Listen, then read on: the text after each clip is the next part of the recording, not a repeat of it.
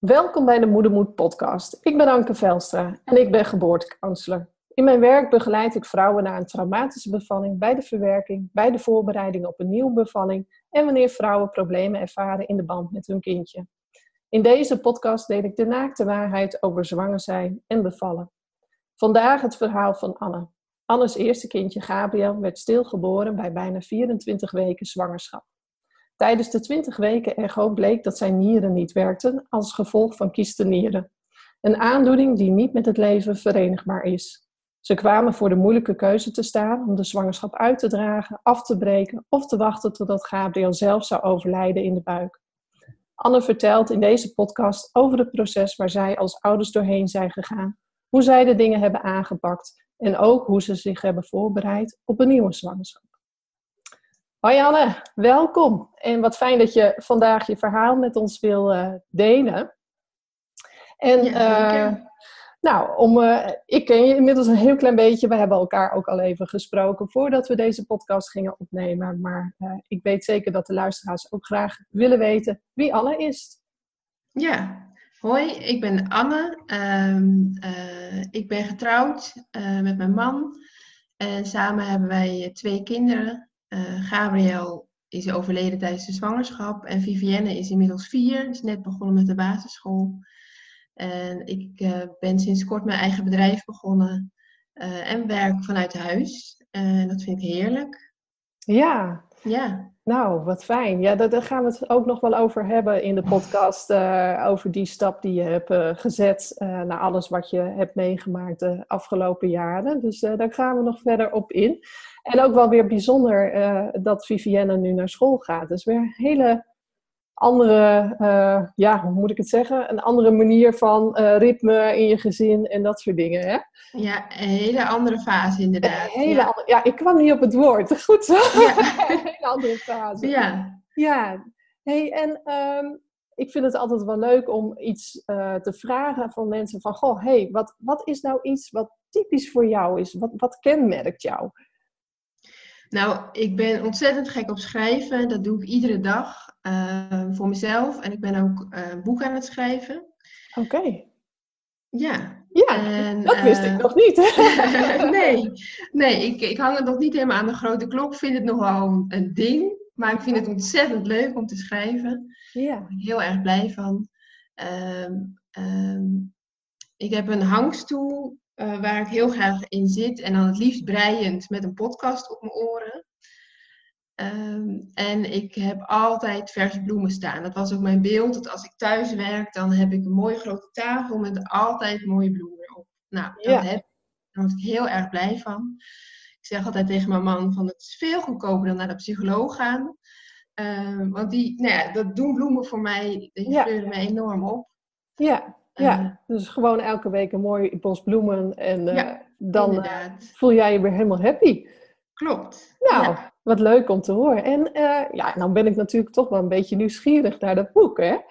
Wil je er iets over zeggen? Of, want je zei al... Ja, zeker. Ja. Spannend, maar... de titel is nog niet helder, die komt vanzelf. nee, het gaat echt over mijn leven. Dus het verhaal van Gabriel zit er ook in. Een stuk van mijn verhaal. Um, en echt met het idee van om, om andere vrouwen te inspireren, hoe ik dingen heb gedaan. En dat te combineren, dus echt iets voor anderen betekenen. En omdat ik schrijven zo ontzettend leuk vind. En wat, ik, um, wat ook een onderdeel zal zijn, is schrijfoefeningen. Echt vanuit je onderbewustzijn schrijven. Dus je kritische stem uh, overslaan. En um, uh, ja, daar komen gewoon hele mooie dingen uit. Ja.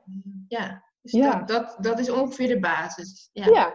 Nou, het klinkt als een heel bijzonder boek. En de combinatie eigenlijk met je eigen verhaal en alles wat je hebt doorgemaakt. En daar dan weer mooie schrijfoefeningen aan koppelen om ja. Ja, eigenlijk uh, het een en ander in jezelf wat te verdiepen. Ik, ja, ik denk dat dat een hele bijzondere en mooie combinatie bent. Dus ik ga je zeker volgen daarin. Ik ben uh, heel benieuwd wat eruit gaat komen. Ja, nou, ik eigenlijk ook, ja. Ja, ja, je stapt in het proces en uh, je ziet wel wat eruit uh, Klopt, komt. Ja, ja, ja. Hoe meer, hoe harder je dingen bedenkt, hoe anders het toch loopt. Dat, ja. Uh, ja. Nou, dat is wel heel grappig. Op een gegeven moment, ehm, na mijn bevalling van mijn jongste, was ik uh, zakelijke teksten aan het schrijven. En in één keer ging ik dus uh, in een ander proces rolde ik schrijven om te verwerken.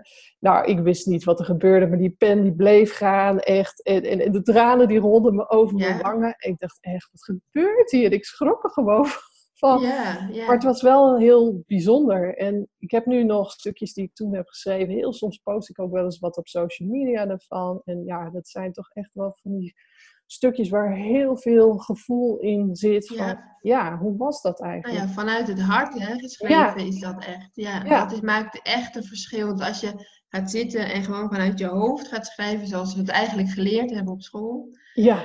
dan, dan zit je vaak ook tegen uh, blanke uh, pagina's te staren. Ja. Terwijl als je vanuit je hart schrijft, nou ja, ik heb het nog nooit gehad, dan, dan vloeit het gewoon zo uit je pen. Ja. Inderdaad. Ja. ja. Ja, heel bijzonder. Nou, ik, ik ben dan ook echt wel heel benieuwd straks naar, de, naar het resultaat. Leuk, ja. En uh, ik zei het in de intro al, en je benoemde het net ook al, dat er uh, in jouw boek een stuk uh, over Gabriel staat. Want uh, ongeveer zeven jaar geleden was jij zwanger van jullie eerste kind, Gabriel. En ja. Ehm, hoe, hoe was dat eigenlijk? Hoe ontdekte je dat je zwanger was? En hoe verliep eigenlijk de eerste helft van je zwangerschap? Nou ja, de, de, uh, we hebben echt bewust de keuze gemaakt dat we graag een kindje wilden. Voor mij was het wel een beetje een verstandelijke keuze. Mijn man die wilde het heel graag, dus daardoor moest ik er echt goed over nadenken. Ja. Um, en um, dus het, het voelde een beetje alsof ik met mijn hoofd gekozen had. Maar toen ik zwanger was, merkte ik al heel gauw dat ik ontzettend blij mee was. We zijn echt eh, als een stelle uh, dolle tieners bijna leek het, uh, naar de stad gegaan. Want wat doe je dan als je ontdekt dat je een kind krijgt? Zo van... ja. dus we zijn uiteindelijk maar naar de bibliotheek gegaan en hebben alle boeken oh, ja. meegenomen waarvan we dachten, daar hebben we wat aan. Ja. En die toen samen gaan lezen op de bank. En um, ja, ik heb wel natuurlijk dingetjes gehad dat ik dingen niet meer lekker vond en misselijk. Maar het was relatief rustig. Ja. En ik vond het vooral heel erg leuk. Zeker toen ik Gabriel op een gegeven moment ging voelen in mijn buik. En toen zag je het nog niet echt. En dus het voelde echt alsof ik een geheim had. Niemand oh, wist dat. Nou ja, mijn man natuurlijk wel. Maar um, uh, als ik ging werken bijvoorbeeld, echt samen op de fiets. Um, uh, nou, het voelde heel gezellig. Ja. ja. ja. Echt samen dat gevoel. Hè? Dus die eerste tijd heb ik gewoon een hele goede zwangerschap gehad. Ja, ja. En toen kwam op een gegeven moment de 20 weken echo. En sowieso, ik denk voor iedere zwangere een heel spannend moment. Uh, omdat het dan toch op een andere manier naar je kindje in je buik wordt gekeken. Ja. Uh, ja, voor jullie was dat heel, uh, zeker ook een heel spannend moment. Eh, en tegelijkertijd ook een heel naar moment, een heel verdrietig moment. Hoe, hoe, hoe, hoe ging dat? Wat, wat gebeurde nou er op dat moment? Wij, wij, wij, wij gingen naar het ziekenhuis omdat er uh, vanuit de familie mogelijk iets meer kans zou zijn op een aandoening. Mm En uh, dus niet bij een gewone echo-praktijk. En, um, maar we zaten eigenlijk heel rustig in de wachtkamer en we zaten nog een beetje van, goh, zullen we straks uh, kleertjes gaan kopen en misschien wel een commode. Um, het voelde echt ons van, nou, wat zou het worden? Hè? Wat ligt daar dan? Wat liggen daar voor kleertjes in de commode? Dus eigenlijk gewoon heel leuk was het uh, terwijl we daar wachten. En, uh, maar natuurlijk ondertussen wel ook gespannen. Want we wisten hè, van ja, nu kunnen ze dingen vinden eventueel. En uh, nou ja, hè, bij, zoals bij iedere echo um, uh, starten ze de echo. En uh, eigenlijk zette die mevrouw, de verloskundige uit het ziekenhuis, heel snel de monitor al stil. En ze zei, ik ga eerlijk zijn met jullie, want het is niet goed.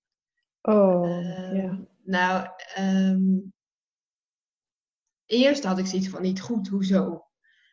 Um, maar ja, hè, door haar serieusheid merkte je natuurlijk wel direct van, ja, dit is menens. En ik, ik probeerde met alle macht mezelf nog bij elkaar te houden. Zo van, ja, er zit toch een levend kind in mijn buik. Maar inderdaad, ehm, Gabriel die bleek een, een kiestenier te hebben. En vanaf ongeveer 16 weken zwangerschap is het vruchtwater urine van het kindje. Mhm. Dat wist ik helemaal niet tot dan.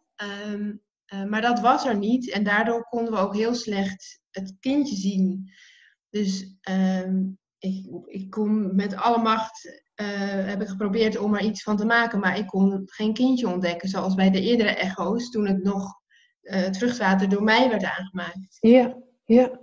Uh, toen haalden ze, de, de verloskundige haalde toen de gynaecoloog erbij. Mm en toen, dan heb je nog ergens nog zo hoop van, oh, ze heeft het vast verkeerd. Of uh, die gaat vast zeggen, ach, uh, oh, sorry, uh, we hebben het niet goed gezien. Maar ja, hij keek twee tellen eigenlijk. Nou ja, voor de vorm misschien iets langer voor ons, zeg maar. Ja. maar hij, hij beaamde direct dat het niet goed was. En wij wisten toen natuurlijk nog niet wat er dan niet goed was. Of hè, van, dat het helemaal over zou zijn, dat wisten we toen nog niet. Nee. Uh, dus toen werden we uh, naar de kamer van de gynaecoloog gebracht. Uh, en nou ja, toen heeft hij verteld wat er aan de hand was. Vertelde hij inderdaad over de kiestenieren.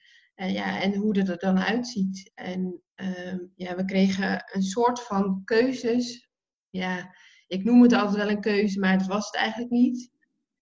we kregen van of jullie breken de zwangerschap af. Mhm. je, je wacht uh, tot Gabriel zelf overlijdt in de buik. Um, uh, of je draagt het uit, met, hè, als dat dan nog niet gebeurd zou zijn. Maar eigenlijk raden ze de laatste sowieso meteen af. Van ja, dat gaat enorm zwaar worden, want mensen gaan het zien dat je zwanger bent. Hè, want Gabriel kon in mijn buik wel leven. Um, dus ja, uiteindelijk kwamen we er ook achter uh, dat de enige keuze was uh, om de zwangerschap af te breken. En we hebben Ja. heel veel. uh, we hebben nog een second opinion gehad in een ander ziekenhuis, waar ze precies hetzelfde bevestigden. En ook Mhm. nog onze huisarts en eh, nog wat, een arts in de familie. Hebben we ja, echt gevraagd van, is er niet één optie nog? Eh, iedereen bevestigt hetzelfde. Ja. Want we wilden zo graag weten of, of er nog een kans op leven was, maar die was er echt niet. Nee. Ehm, ja, en dan rol je ineens van eh, we gaan naar de HEMA sokjes kopen, naar ehm, eh, we moeten een uitvaart organiseren. En we hadden ook gezegd van als we het kunnen, willen we dat heel graag zelf doen. Ehm, ehm, en nou ja, toen kwam ook het proces van, nou ja, ik, ik ging bevallen.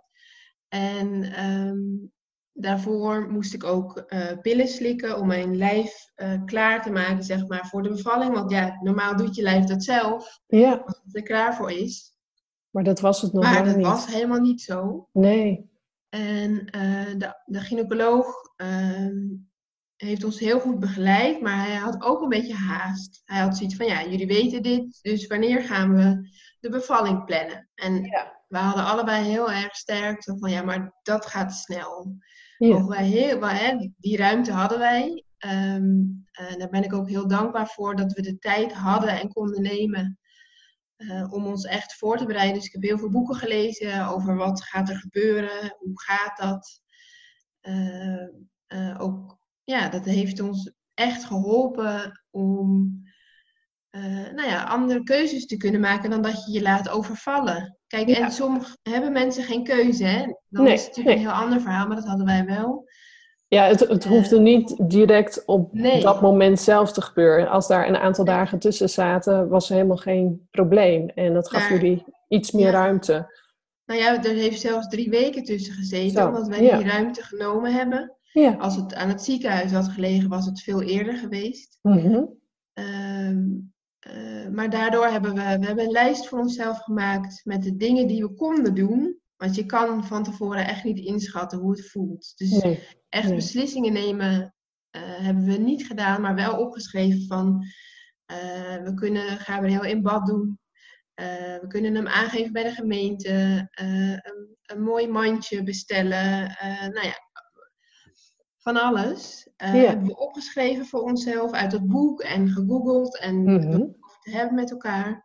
En ook tegen elkaar gezegd, we doen alles wat goed voelt en waar, hè, waar we van het gevoel hebben dat moeten we doen. Want je hebt één keer. Je kan niet het nog een keer herhalen. Dat, die is er gewoon niet. Nee. Uh, dus dat hebben we heel erg goed voor ogen gehouden. En ehm, dus we hebben het echt op ons tempo gedaan. Um, uh, toen we op een gegeven moment hadden, nou ja, klaar ben je er nooit voor. Um, en want voor je gevoel, ja, ik voelde gewoon Gabriel mijn buik bewegen. Ja. Van ja, het is onwerkelijk. hoofd kan er niet bij. Hè, dat, zo van ja, maar hij leeft toch? Dat gevoel Ja. had ik steeds.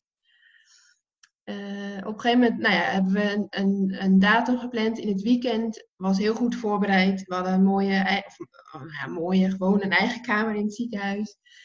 Eh, met steeds één arts, één verpleegkundige. ehm, waardoor het heel, eh, nou ja, een hele prettige sfeer was. Heel betrokken. ehm, iedereen was goed op de hoogte, dus dat was heel erg fijn.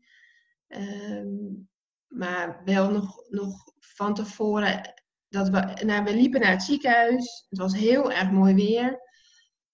En ik, had, ik vroeg nog aan Koen, kan ik nog terug, nu ik die medicijnen heb geslikt, hè, om, de, om een beetje mijn lichaam te helpen. Zo van, wat gebeurt er als ik, als ik het toch niet doe? Ja, Mhm. ik wist natuurlijk wel, er is geen andere optie. Nee. Ehm, eh, maar ik had echt iets van, ik draai om, ik ga naar huis. Ik, ik, ik, wat, waar zijn we mee bezig? Dit, dit Ja. kan niet. Het is een grote boze droom waar ik in belandde. Ja, nou echt de paniek wakker. sloeg toe. Ja. ja, ja. ja. Dus nou ja, goed. Natuurlijk toch doorgelopen. Ehm, eh, en ik heb eh, de, de bevalling is opgewekt. Die medicijnen, of die echt iets hadden gedaan als voorwerk, vraag ik me af. Maar de weeën werden opgewekt met medicijnen. En ehm, toen begon eigenlijk vrij vlot echt een weeënstorm. Was, he- was echt wel eh, was heftig. Ging echt super snel achter elkaar. Ja. Ehm, en ehm, voortdurend het gevoel van eh, eh, kom maar kindje, maar eigenlijk wil ik niet dat je, dat je komt, want ik Oh wil ja. dat je bij me blijft. Hè? Want ja, wat, ben ik, wat zijn we aan het doen? Dat gevoel bleef ik eigenlijk houden. Waardoor ik ook wel denk dat ik het een tijd heb tegengehouden. Mhm.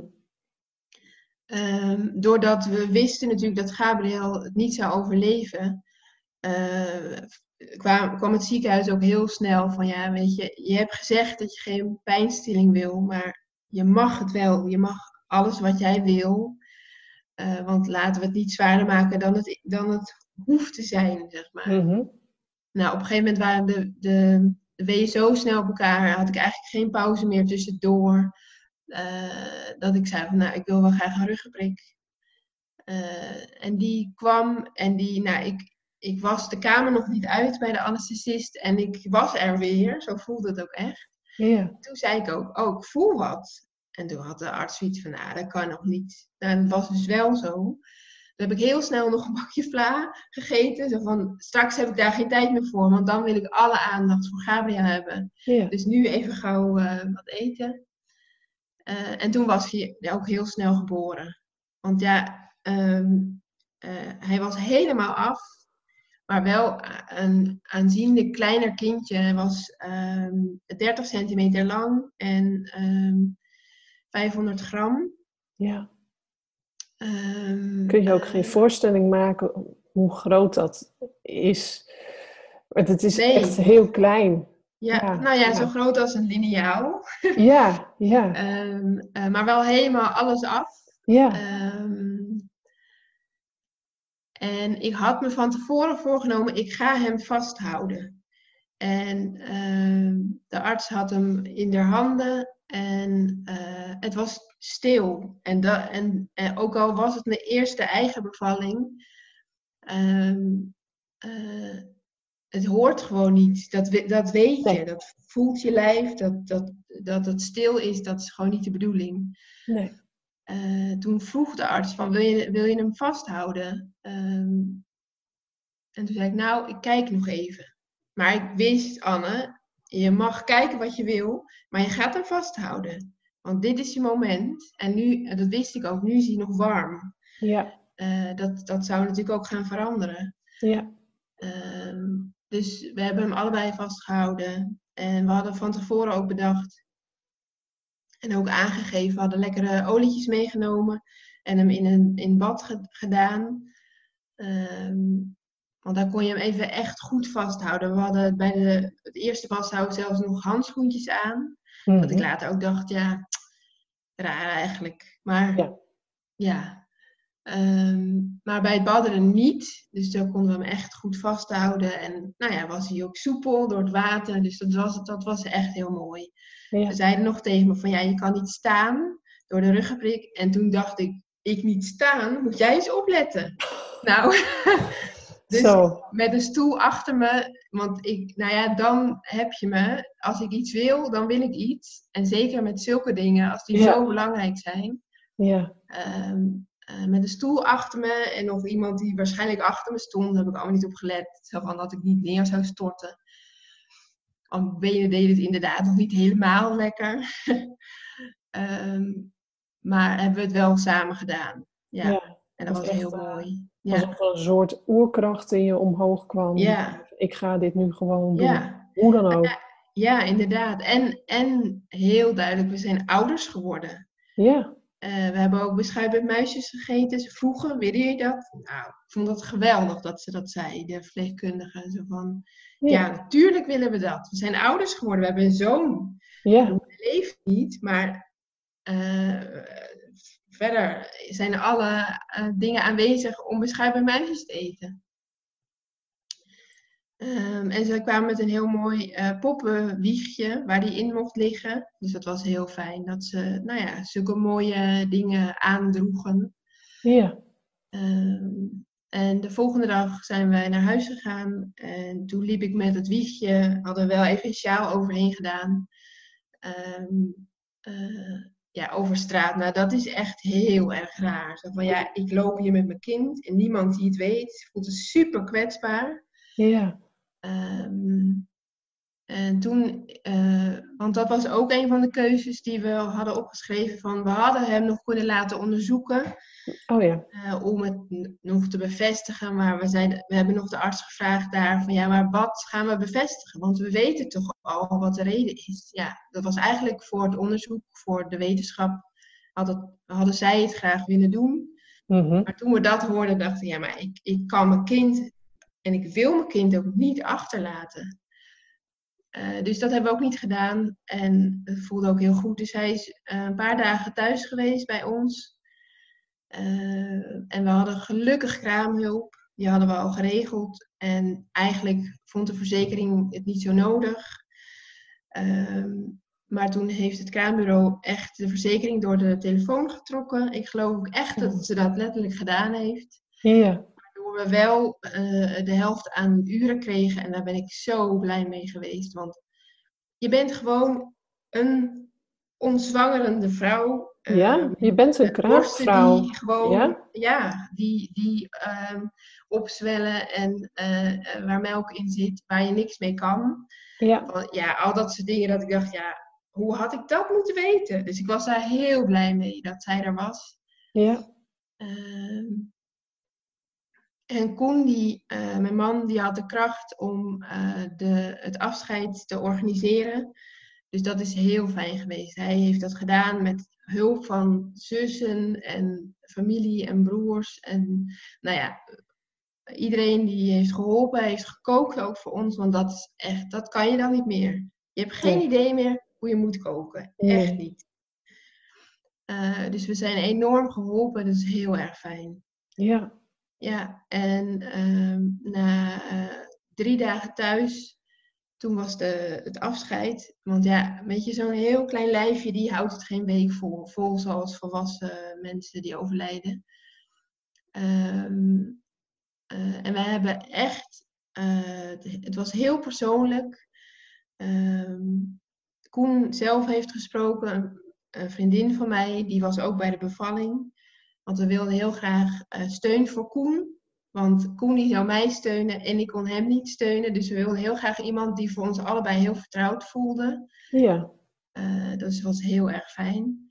En ehm, zij heeft gesproken en de vader van Koen, wat heel bijzonder was. Want hij kreeg die dag um, uh, een beenmergtransplantatie. Uh, dus hij mocht erbij zijn.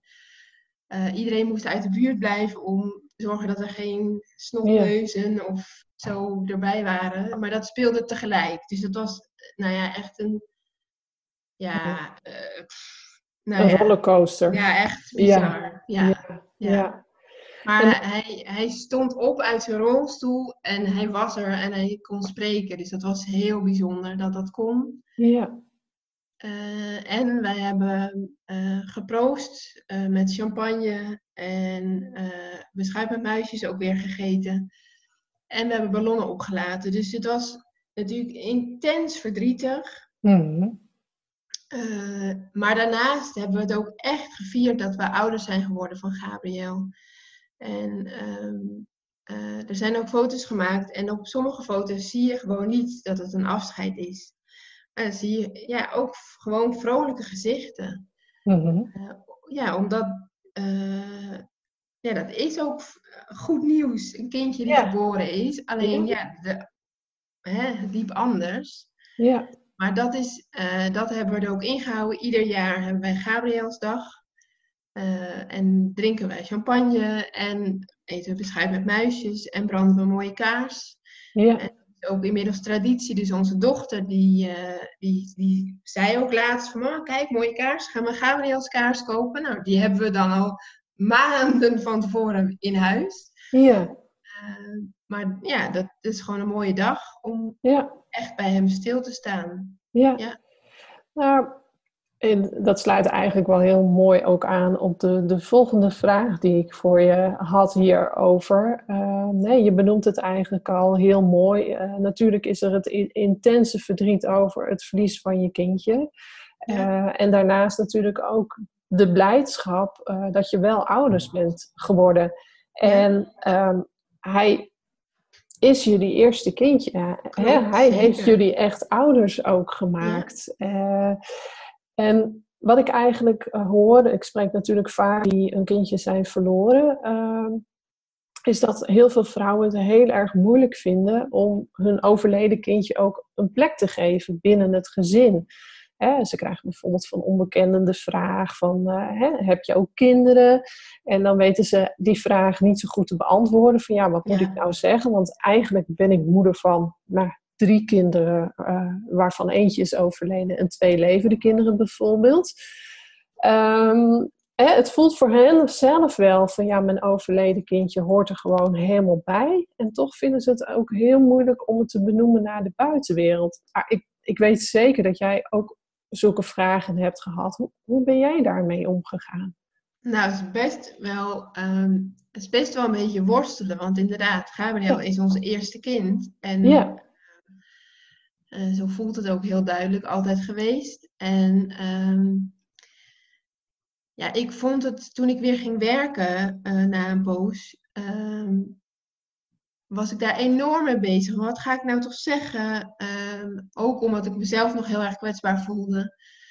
En toen zei een collega tegen mij van Anne, is het niet gewoon een idee om het één ding bij iedereen te zeggen. En uiteindelijk koos ik toen zelf om te zeggen ik, van ik heb geen kinderen. Mm-hmm. Kijk, nu heb ik twee kinderen, dus dat maakt het anders. Maar toen uh, had ik nog niet uh, onze dochter. Uh, ik vond dat soms lastig. Dan ja. zei ik wel altijd in mijn hoofd, natuurlijk heb ik Gabriel, maar um, ook omdat ik ehm, als hulpverlener werkte en daar wilde ik niet ehm, het een groot onderwerp laten zijn. Nee. Want je weet natuurlijk niet wie je daarmee raakt. Want ja, nee. het doet iedereen iets als je het zegt. Ja. Uh, maar op een gegeven moment ging dat ook schuren. Mm-hmm. Uh, maar ik heb, op mijn werk heb ik het zo gelaten. Maar toen, uh, toen ik daar wegging, toen heb ik ook voor mezelf gezegd, ik ga dat nooit meer niet zeggen.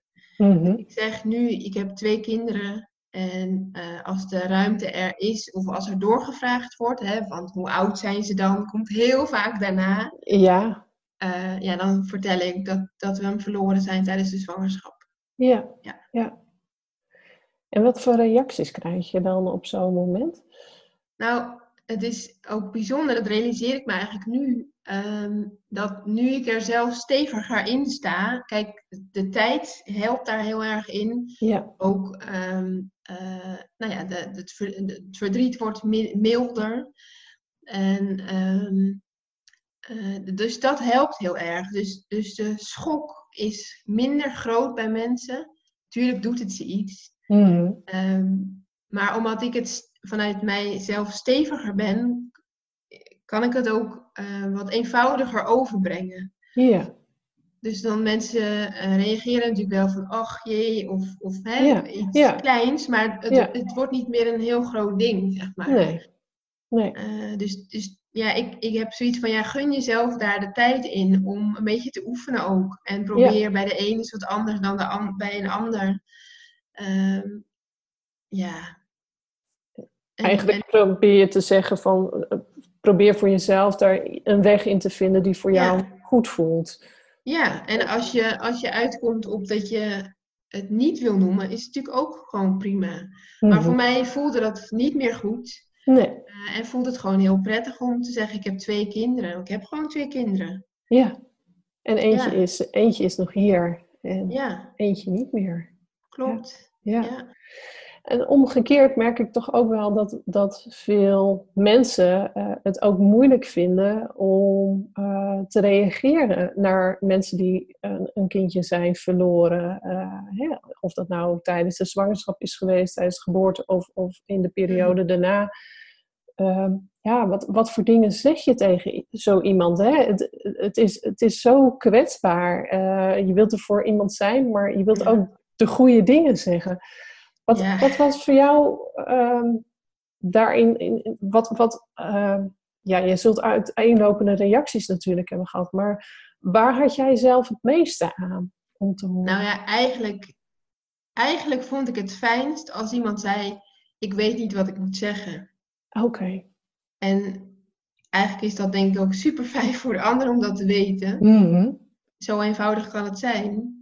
Want eigenlijk zijn er geen woorden. Want ook nu, als ik wel eens bedenk, wat zou ik zeggen als er iemand een kindje verliest? Tuurlijk kan ik zeggen vanuit mijn ervaring, ik weet hoe het voelt. Ja. En gelukkig kunnen heel veel mensen dat niet. Ehm, ehm, maar eigenlijk kan je het nooit goed zeggen. Weet je, er zijn mensen die. Ehm, van, eh, ja, er worden dingen gezegd als van, ja, je bent nog jong, dus het kan nog goed komen. Ja. Ja. Of toen, we, uh, Vivienne, toen ik zwanger was van Vivienne, van oh wat fijn, uh, toch een kindje. Weet je, het is allemaal heel lief bedoeld. Mm Maar, uh, dus zeg gewoon dat je het niet weet. Nee. Want eigenlijk gaan mensen rare dingen zeggen omdat ze het niet weten. Want ja. het is eigenlijk zo groot en het hoort niet, zeg maar. Nee. Hè? Want de, de, de, uh, gewoon zoals de natuur gaat, gaan, horen kindjes in principe niet dood te gaan. Nee. Um, ja, dus dan weten we het gewoon niet zo goed. Nee, nee. En dan kun je nog maar beter benoemen uiteindelijk van ik weet, ik weet het gewoon niet zo goed wat ik, wat ik moet zeggen. Ik, hè, ik ben erdoor geraakt. En, en inderdaad, daarmee geef je aan, uh, het is te groot om er woorden aan te geven. Ik, ik, uh, eigenlijk doe je het altijd tekort. Want de, de, de, ja, er is geen woord voor wat, waarvan je echt denkt, ja, dat is nou. Dat, is geweldig. Ja. Nee, nee, nee, nee, nee. Nou, ik ben wel heel blij dat je uh, ook vanuit jouw optiek hier iets over hebt gezegd. Omdat ik gewoon weet, ook, ook vanuit eigen ervaring, dat ik dat gewoon zelf ook heel erg lastig vind. Van ja, ja wat zeg je nou in zo'n situatie? En natuurlijk, ik ben inmiddels counselor en dat soort dingen. En dan weet je gewoon, soms is er gewoon niks zeggen en er gewoon zijn. Uh, het luisteren, het oor uh, is, is voldoende. Uh, maar toch, het, het, blijven gewoon lastige situaties. Dus ik ben echt wel heel blij dat je hier iets vanuit jouw ervaring over hebt willen delen. Ja. Hey, um, wij hebben natuurlijk ook een voorgesprek gehad samen voordat we dit interview gingen opnemen. En je gaf eigenlijk ook aan in het voorgesprek dat uh, na het verlies van Gabriel eigenlijk de kinderwens in jullie nog sterker werd dan, dan ooit tevoren. En uiteindelijk is uh, na anderhalf jaar uh, Vivienne ook geboren. Ja. Hoe ga je eigenlijk zo'n proces in, na, na zo'n ervaring, wanneer je een kindje bent verloren? Hoe weet je bijvoorbeeld dat je weer klaar bent voor een nieuwe zwangerschap? Nou, dat is ook heel lastig in te schatten. We hadden een heel mooi boek, Altijd een kindtekort. Wat ik mhm. echt iedereen aan kan raden als je helaas voor deze, in deze situatie terechtkomt. Um, daar stond een vragenlijst in, die, met vragen die je zelf kon stellen. Um, van of je klaar bent voor een nieuwe zwangerschap. We hadden al heel erg voorgenomen van we willen echt niet dat dit kindje als soort opvulling komt of vervanging mhm. of iets dergelijks. Daar had ik over gelezen. Zo van, ze hebben allebei hun eigen plek. Ja. En um, nou ja, de eerste keer toen we die vragenlijst doornamen, nou, bij vraag 1, ja, ik kan er nu een beetje om lachen, maar ja, toen eigenlijk ook al wel een beetje van, ja, weet je, wat zitten we nou eigenlijk te doen? Bij vraag 1 konden we het al niet positief beantwoorden, dus toen zeiden we, ja, laten we het boek maar wegleggen, want het, dit is al zo'n grote vraag. Ja. En uiteindelijk hebben we ons de vraag gesteld, um, als het nog een keer gebeurt, kunnen we mhm. dat dan aan? Nou, in het begin zeg je, volmondig dat je dat niet kan. Want dan ben je er ook nog zo in, ben je nog zo in rouw en verdriet. Uh, en op een gegeven moment, uh, ook al is het verlies nog zo groot en uh, ben je, hè, ik heb ontzettend veel gehuild en verdrietig geweest. Ehm, op een gegeven moment voelde het van ja, maar de, de wens is groter dan de angst voor herhaling. En we wisten inmiddels uit onderzoek dat het, de kansen niet groter waren op herhaling dan bij een ander. En, ehm, en het gevoel van lege armen, dat is enorm als je een kindje verliest. Want uh, je bent ouders geworden. Alle uh, moeder- en vaderliefde, die gaat gewoon vol aan. Zoals hè, uh, gebeurt als je een kindje krijgt. En dan voelen je armen wel echt intens leeg. Ja. En wat ik al zei, we wilden niet opvullen, maar de kinderwens was daardoor wel vertienvoudigd. Ja. Uh, dus toen we het gevoel hadden van, nou, we zijn sterk genoeg om dit te kunnen samen. Uh, toen uh, nou ja, hebben we op, hè, bewust ook weer de keuze gemaakt. Ja. Ehm, maar dat waren wel hele andere weken toen ik zwanger was. Ehm, want ik vond het heel spannend. Ja, uh, keken echt uit naar die uh, eh, 20 weken echo die bij ons nu iets eerder was. Uh, nou ja, vanaf het, dat het wel het vruchtwater van het kindje zou zijn. En dat ze de nieren goed konden zien. Ja. Ehm, maar dat we niet nog veel langer hoefden te wachten. Want dat was, nou ja, afzien is een, ja, het was wel echt gewoon een beetje afzien. En um, en ook weer, daar was het ook heel dubbel. We waren natuurlijk ontzettend blij en um, dat we een kindje zouden krijgen. En, um, maar ja, ook gewoon de spanning van gaat het weer gebeuren. En ja. um, uh, de 20 weken echo heb ik alleen maar naar het scherm gekeken. Ik, ik, ik zei ook tegen Koen later van als ik die mevrouw die de echo heeft gedaan en die was best, heeft heel secuur gekeken. Mm -hmm. En ook bij iedereen, bij alles wat ze zag, oh, het ziet er goed uit. Oh, dat vond ik zo fijn dat ze dat deed. Ja. Uh, dus dat is ook nog een aanrader om echt daarom te vragen als iemand dat niet doet. Van zeg alsjeblieft wat je, wat je ziet. goed is of wat je ziet. Of, ja. Uh, want uh, nou ja, dat, dat, dat was eh, heel prettig dat ze dat zo deed. Ze wist ook van ons verhaal. Um, en voor jullie eigenlijk ook de bevestiging van deze keer is het gelukkig wel uh, goed. Is het goed. En, en doordat ik nu wel heel duidelijk een kindje kon zien, ja. Uh, wist ik al, het is in er ieder geval niet hetzelfde. Hetzelfde, ja. Ja, ja. ja, ja, ja. Uh, en toen hoorden we ook dat we een dochter zouden krijgen. En dat had me echt niet uitgemaakt, maar het was wel fijn. Uh, want dan had je heel duidelijk een zoon en een dochter. Dus dan zou je niet dingen door elkaar gaan halen. Nee. Ehm, nou ja, het, het, nou ja, het leven heeft het daarmee ietsje makkelijker gemaakt, denk ik. Ja. Eh, het verschil was wat groter. Daarna viel wel echt een last van ons af, want het was goed. We hadden ook voordat ik zwanger zou worden, eh, of tenminste vanaf het moment dat we eigenlijk hadden bedacht, we willen heel graag ervoor gaan. Toen hebben we met de verloskundige een plan bedacht. eh, en ook zo van ja, we, eh, het is niet medisch niet nodig, maar we kunnen, als je dat fijn vindt, wat extra echo's inplannen. En dat hebben we gedaan. Niet heel veel meer, want ook daarin wilde ik voorzichtig zijn. Mhm. Maar wel eh, bijvoorbeeld met 30 weken nog een echo gehad om, nou ja, ook ter geruststelling. Zo van, het is Ja. inderdaad goed. En dat hebben we ook iedere keer weer gevierd. Ja. Eh, zo van, fijn, het is goed. En Vivienne was heel bewegelijk. Eh, dus dat was heel prettig. Ja. Waardoor ik echt nooit heb hoeven denken van, oh jeetje, meisje, Fout ik heb jou even niet gevoeld. Of, Mhm. Dus dat is nooit aan de orde geweest. Ehm, Nou ja, en het is natuurlijk anders ook best een lang eind. Als je je twintig weken he- al hebt gehad, zeg maar, en je loopt gewoon eh, tot op het laatst.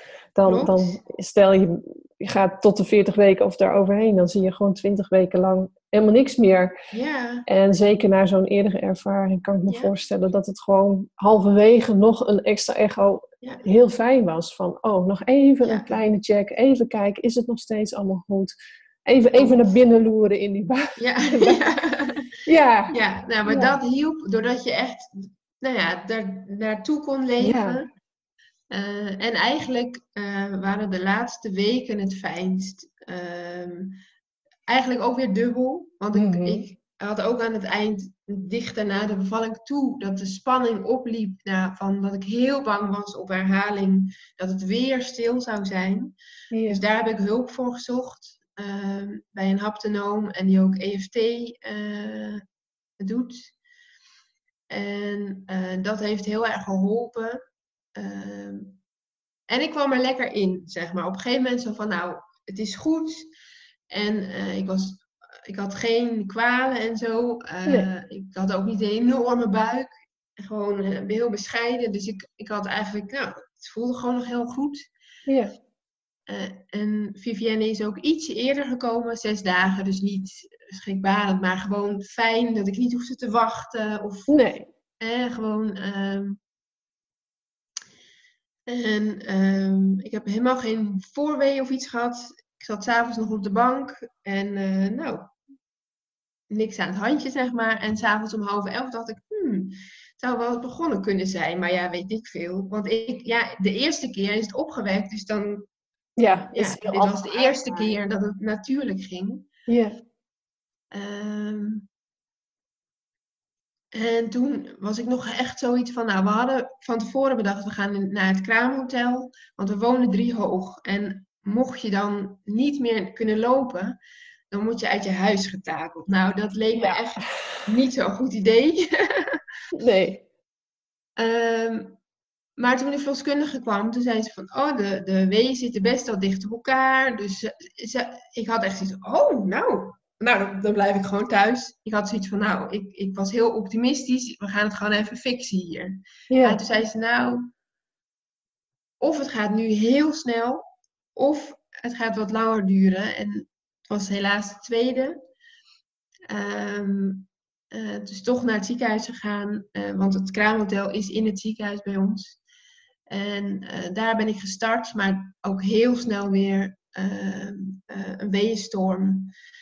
Ehm, dus op een gegeven moment ehm, ja, was het gewoon zo heftig. En het schoot niet op qua centimeters. En ehm, dus toen uiteindelijk toch gekozen voor een ruggenprik. En dat vond ik heel lastig. Want ik had echt zoiets van, ik, wil, ik had zo gehoopt op een natuurlijke bevalling. Zonder Ja. medicijnen, zonder dokters. Gewoon in het kraamhotel met onze eigen verloskundige.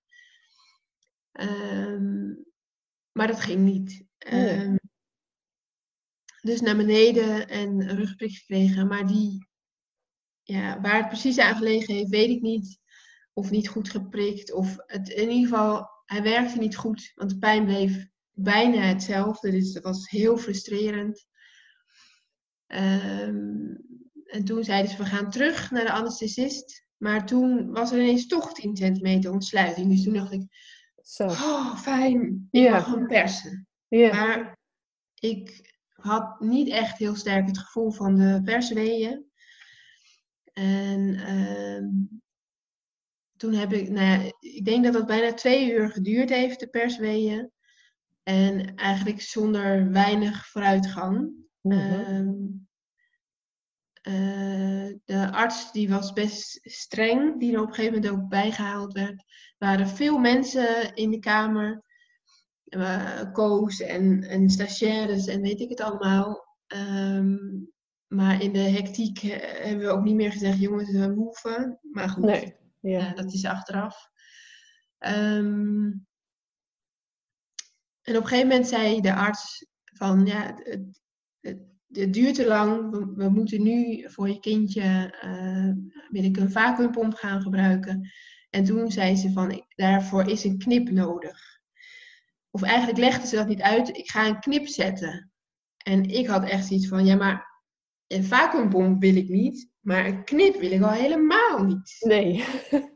Uh, maar ze zei, ja, je hebt geen keuze. Dat moet bij elkaar, anders scheur je uit. En hmm. Ehm, ik heb echt daar nog over onderhandeld, maar dat, dat kon echt niet. Ehm, en achteraf gezien was ik eerder al, heb ik ergens de luiken dicht gedaan. Het was zo overweldigend, ook toch de angst. Ja. Uh, gaat het mis? Ehm, eh, ik heb echt de hele tijd naar de monitor liggen kijken, want doordat ik een rugprik had, had Vivienne zo'n um, ja, elektrode op haar hoofd. Ja. En um, dus ja, ergens daar is het met veel geworden. En um, toen de arts dat zei, toen, nou, toen had ik echt zoiets van, nou ja, uh, je, je, doet maar. Um, uh, het is blijkbaar nodig. Uh, ik, ik geef me over. Zo voelde het echt. alsof ik geen eigen keuze had. Nee. En natuurlijk wilde ik het allerliefst een gezond kindje. Um, um, maar het, het, was heel heftig. En de vacuümpomp die, die, die maakte geen vacuüm, waardoor ze het twee keer moest proberen. En het, nou ja, dat deed enorm veel pijn. Uh, waarschijnlijk hoe dan ook, maar doordat het misging nog extra. Ja. En ik was ook eigenlijk helemaal kwijt wat ik eigenlijk aan het doen was. Ik was helemaal niet meer in verbinding met mijn kindje. Um, Ook niet bij mezelf. Nee. Um, het gebeurt heel vaak hè, wanneer vrouwen een dermate heftige bevalling hebben. Dat hè, eerst proberen ze nog uh, te vechten of te vluchten. Hè, dus dat je de onderhandeling eerst bent aangegaan met je gynaecoloog erover. Van, dat is eigenlijk een soort uiting van die, van die vechtreflex. Uh, nou, op een gegeven moment merk je gewoon, ik, ik kom daar niet mee verder. Hè? Want ja, als je aan het bevallen bent, dan kun je maar beperkt vechten of vluchten. Ehm, en eh, als gevolg daarvan uh, bevriezen vrouwen gewoon. Hè? Dus wat je zegt, die luiken gingen dicht. Soms hebben vrouwen gewoon ook echt het gevoel, ik ben uit mijn lijf gestapt. Uh, ik kijk als het ware als, van een soort afstandje naar mezelf. Wat gebeurt hier nou eigenlijk? En dan voor het oog leid je vrij rustig en laat je alles min of meer gelaten over je heen komen. Maar inwendig is er natuurlijk heel wat aan de hand. Er zit natuurlijk enorme angst en paniek die, die er niet uitkomt. En niet zichtbaar is voor anderen. Ja, klopt. Ja, ja. Dus ja, wat je vertelt, het, het is een hele uh, logische reactie op, op wat er op dat moment gebeurde. Alleen vaak achteraf kijken vrouwen daar toch best wel heel uh, naar op terug. Dat, dat dat gebeurde en dat ze het ook zo lieten gebeuren. Uh, ja, herken je dat ook? Of. Nou ja, ik heb echt dit als een heftige er, bevalling ervaren. Ja. Um, heftiger eigenlijk nog dan Gabriel. Terwijl dat natuurlijk de situatie heftiger was, maar daar had ik veel meer het gevoel dat ik in controle was. Dat, ja. dat er echt naar me gekeken werd en dat er naar me geluisterd werd. Ja. Um, um, en bij Vivienne, ik weet met mijn hoofd wist ik toen al en nog steeds dat zij natuurlijk ook gewoon heel graag uh, mij goed wilde helpen en uh, mm-hmm. een gezond kindje ter wereld wilde brengen. Uh, en achteraf zeiden ze ook van het had niet veel geschild of het was een keizersnee geworden. Dus daarmee ben ik helemaal dankbaar dat uiteindelijk is ze wel geboren met de vacuümpomp. Um, maar het, ja, het voelde alsof het me aangedaan werd. En, ehm, en, en dat is waar ik echt last van heb gehad daarna. Ja. En uh, daar heb ik ook hulp voor gezocht. Uh, Ben ik bij een psycholoog terechtgekomen en um, heb ik uiteindelijk ook EMDR gedaan, uh, wat heel erg geholpen heeft. Het voelde heel erg alsof het, het, het boek, het rauwe boek eigenlijk open lag. Ja. Um, en door de EMDR kon het sluiten. Ja. ja. Ja, want in het voorgesprek gaf je ook al aan dat het echt wel behoorlijk uh, effect ook nog na de tijd heeft gehad. Hè? Eigenlijk deze twee ervaringen in, in vrij korte tijd. Ja. Uh, en tegelijkertijd gaf je ook aan dat dat, hè, nadat je de hulp hebt gehad uh, en dat boek, zoals je dat zo mooi zegt, kon sluiten, ehm, heb je ook het roer in je leven behoorlijk omgegooid. Ja, ja. Want het boek van de bevalling kon ik sluiten, maar ik ben na de bevalling van Vivienne uh, ben ik in een, nou ja, depressief geraakt. En ehm, nou ja, wat heel lastig was, want ik wilde heel graag Vivienne zijn en dat kon soms gewoon niet. Nee. Um, dus Koen heeft heel veel voor ons allebei gezorgd. En het is ook wel wisselend geweest. Uh, door de borstvoeding die niet goed lukte, uh, nou, heeft ook nog weer voor heel veel stress gezorgd. En ehm, nou ja, achteraf, en ik heb ook tegen de hulpverleners om ons heen toen gezegd van, nou, volgens mij gaat het niet goed met mij. Wat is er met mij aan de hand? Ja. En toen werd er ook wel gezegd van ja, het is gewoon ook heel logisch hoe je reageert uh, met wat jullie hebben meegemaakt. En achteraf gezien was het niet logisch. Had ik heel erg ook. Ja, ja, mijn gevoel had al gezegd: er klopt iets niet. Mhm. En eigenlijk pas vele malen later ben ik erachter gekomen dat ik inderdaad een depressie had. En uiteindelijk daarvoor de goede hulp gekregen. En, ehm, maar heel lang getopt, omdat ik, ik dacht dat, ja, dat het soort van erbij hoorde of zoiets. Of ja geen idee eigenlijk. Um, en ik ben wel weer gaan werken, na, ook na de bevalling van Vivienne. Uh, maar toen merkte ik al van, ja, dit gaat gewoon niet goed. Ik voelde me niet goed. Ik zat op een gegeven moment bijna dagelijks, of dagelijkse keren als ik ging werken, want ik werkte drie dagen, uh, zat ik huilend op de fiets. Uh, en op een gegeven moment dacht, had ik zoiets van, ja, sinds wanneer ben je dit normaal gaan vinden? Hè? Van, ehm, Met de spiegel ook van vriendinnen die zeiden van, goh Anne, gaat het wel goed? Ja. Um, uh, nou, dat ging het helemaal niet. En op een gegeven moment heb ik me ook ziek gemeld. En um, ja, toen in, in dat proces van nou ja, ziek zijn, uh, opkrabbelen, daarachter komen van ja, ik moet niet meer terug naar mijn baan. Nee. En, uh, en daar heb ik de beslissing genomen om een eigen bedrijf te beginnen. Ja. En eerst in, met het idee, ik ga ouders helpen die eh, ook een kindje verloren zijn, maar het bleef heel zwaar voelen voor me. Mm -hmm. dus had ik zoiets van, ja, dat, dat moet ik geloof ik niet doen. Ik moet een andere vorm krijgen. En nu uh, begeleid ik bij mijn bedrijf Anne Kirsten.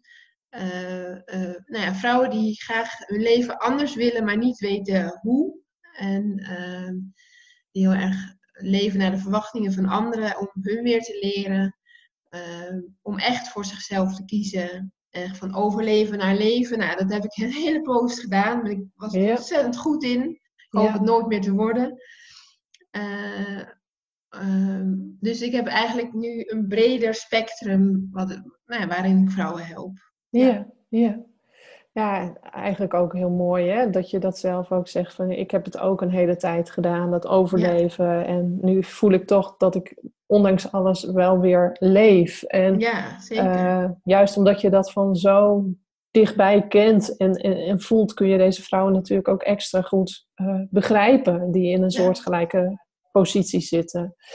En ik hoor het inderdaad ook wel heel vaak, ehm, ook de afgelopen jaren in mijn vorige bedrijf, als, als mensen toch iets heftigs hebben meegemaakt in hun leven, dat ze dan ook op een punt komen van ja, wat is mijn leven eigenlijk? Uh, hoe heb ik het op dit moment vormgegeven? is het eigenlijk wel mijn leven of leef ik eigenlijk het leven van iemand anders volgens de verwachtingen van iemand anders? Ja. Uh, doe ik daadwerkelijk wel het werk wat ik heel erg leuk vind? Of ben ik eigenlijk iets gaan doen waarvan ik dacht dat ik het leuk vond? Nou, al, al dat soort dingen komen vaak voorbij. En het is dan heel mooi om te horen hoe jij daar dan ook gehoor aan hebt uh, kunnen en durven. Want het is ook een stukje durven. Ja, ja. ja zeker. Uh, er komt er vol durf bij kijken. Ja, geven om, om dat de wereld in te gaan zetten. En om het op een andere manier te gaan vormgeven. Die gewoon nu veel beter bij jou past. Wie jij bent als persoon. Ja, ja, zeker. zeker. Ja. Nou ja, je wordt ook gewoon door, door het verlies en door de depressie... word je gewoon gedwongen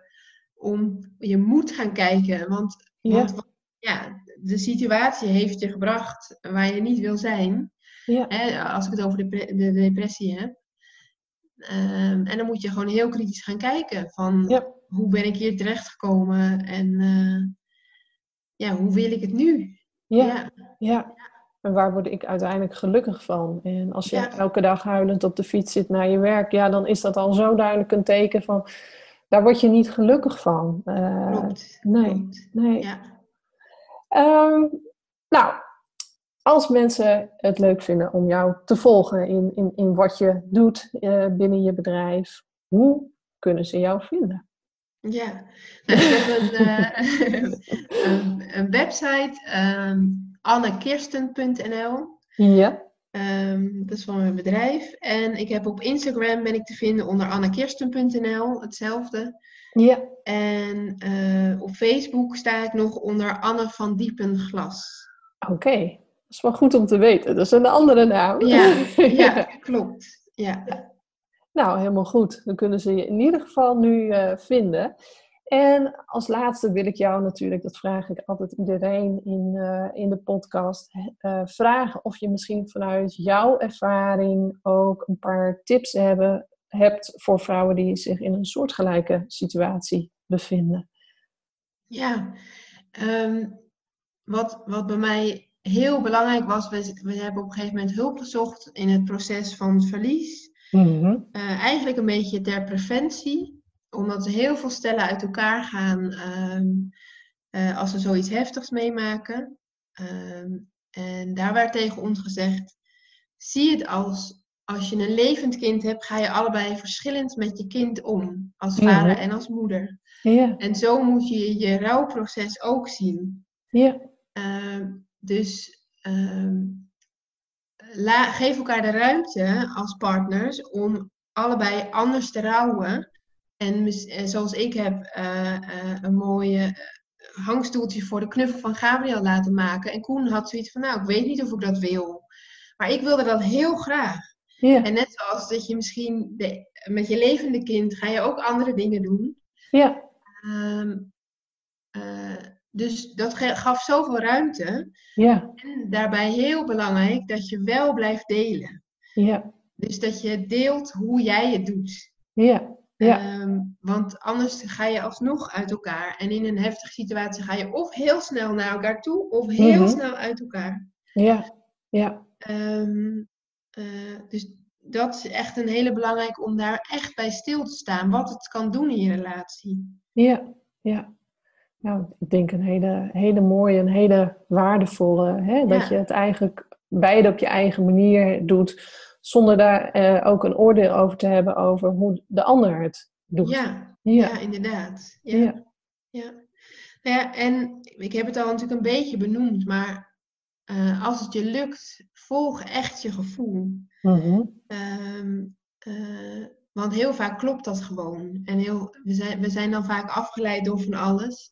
Ja. Dus volg je gevoel in uh, de bevalling, in het verlies en het afscheid regelen. en wat, waar ik nog steeds heel dankbaar voor ben, is dat wij alles gedaan hebben bij Gabriel wat er kon en, en wat wij wilden. Ja. Dat ik echt zonder spijt daarop terug kan kijken. Um, dus dat is, vind ik ook wel echt van als je het meemaakt, uh, sta erbij stil dat er heel veel kan. Ja. En uh, dat je het zelf voor mag geven. Ja. Dus dat je niet hoeft, per se hoeft te laten leiden door wat je zorgverleners vinden dat Ja. is, maar dat je daarin ook gewoon heel duidelijk zelfkeuzes mag maken. Ja, Ja. klopt. Ja. Ja. Ja. En ik denk dat je daardoor ook voor jezelf het gevoel hebt dat je nog een stukje regie hebt over de situatie. En ja, dat is zo helpend ook als je er later op terugkijkt van, ja, maar ik heb het gedaan, of we, hè, je doet het samen, we Ja. hebben het gedaan zoals wij het graag wilden. Wat voor ons passend was, voor ons goed voelde. Klopt. Ja. ja. Ja, ja, Want zeker in het ziekenhuis waar je in belandt, hè, in zo'n situatie, eh, ja, dan gaan dingen gewoon soms snel. En eh, via het protocol. En, en je bent nog aan het bijkomen van wat er, Ja. nou ja, nog niet eens, maar van het, het, het nieuws door te laten dringen, voor zover het gaat. Eh, maar probeer dan op een rustig moment en gewoon ook de tijd te vragen. Want Ja. soms is die er gewoon. ja, ja, Al, al is het een halve dag, bij wijze van spreken. het kan. Hè? Het kan. Ja. Ja. Heel mooi. Nou, jeetje, wat een eh, mooi gesprek hebben wij gehad, eh Anne. Het is een heel kwetsbaar onderwerp, maar ja, hoe je erover praat, het is gewoon zo mooi en ook eh, hoopgevend op de een of andere manier. hè, dat je toch, ondanks alles, zoveel kracht weer hebt teruggevonden. Dus ja, ik kan alleen maar zeggen, heel erg bedankt voor dit gesprek en dat je dit wilde delen in de podcast. Dat vind ik ook gewoon heel, eh, heel mooi. En ik weet zeker dat vrouwen die zich in een soortgelijke situatie eh, bevinden of eerder al hebben meegemaakt, hier ook wel weer heel veel kracht uit kunnen putten.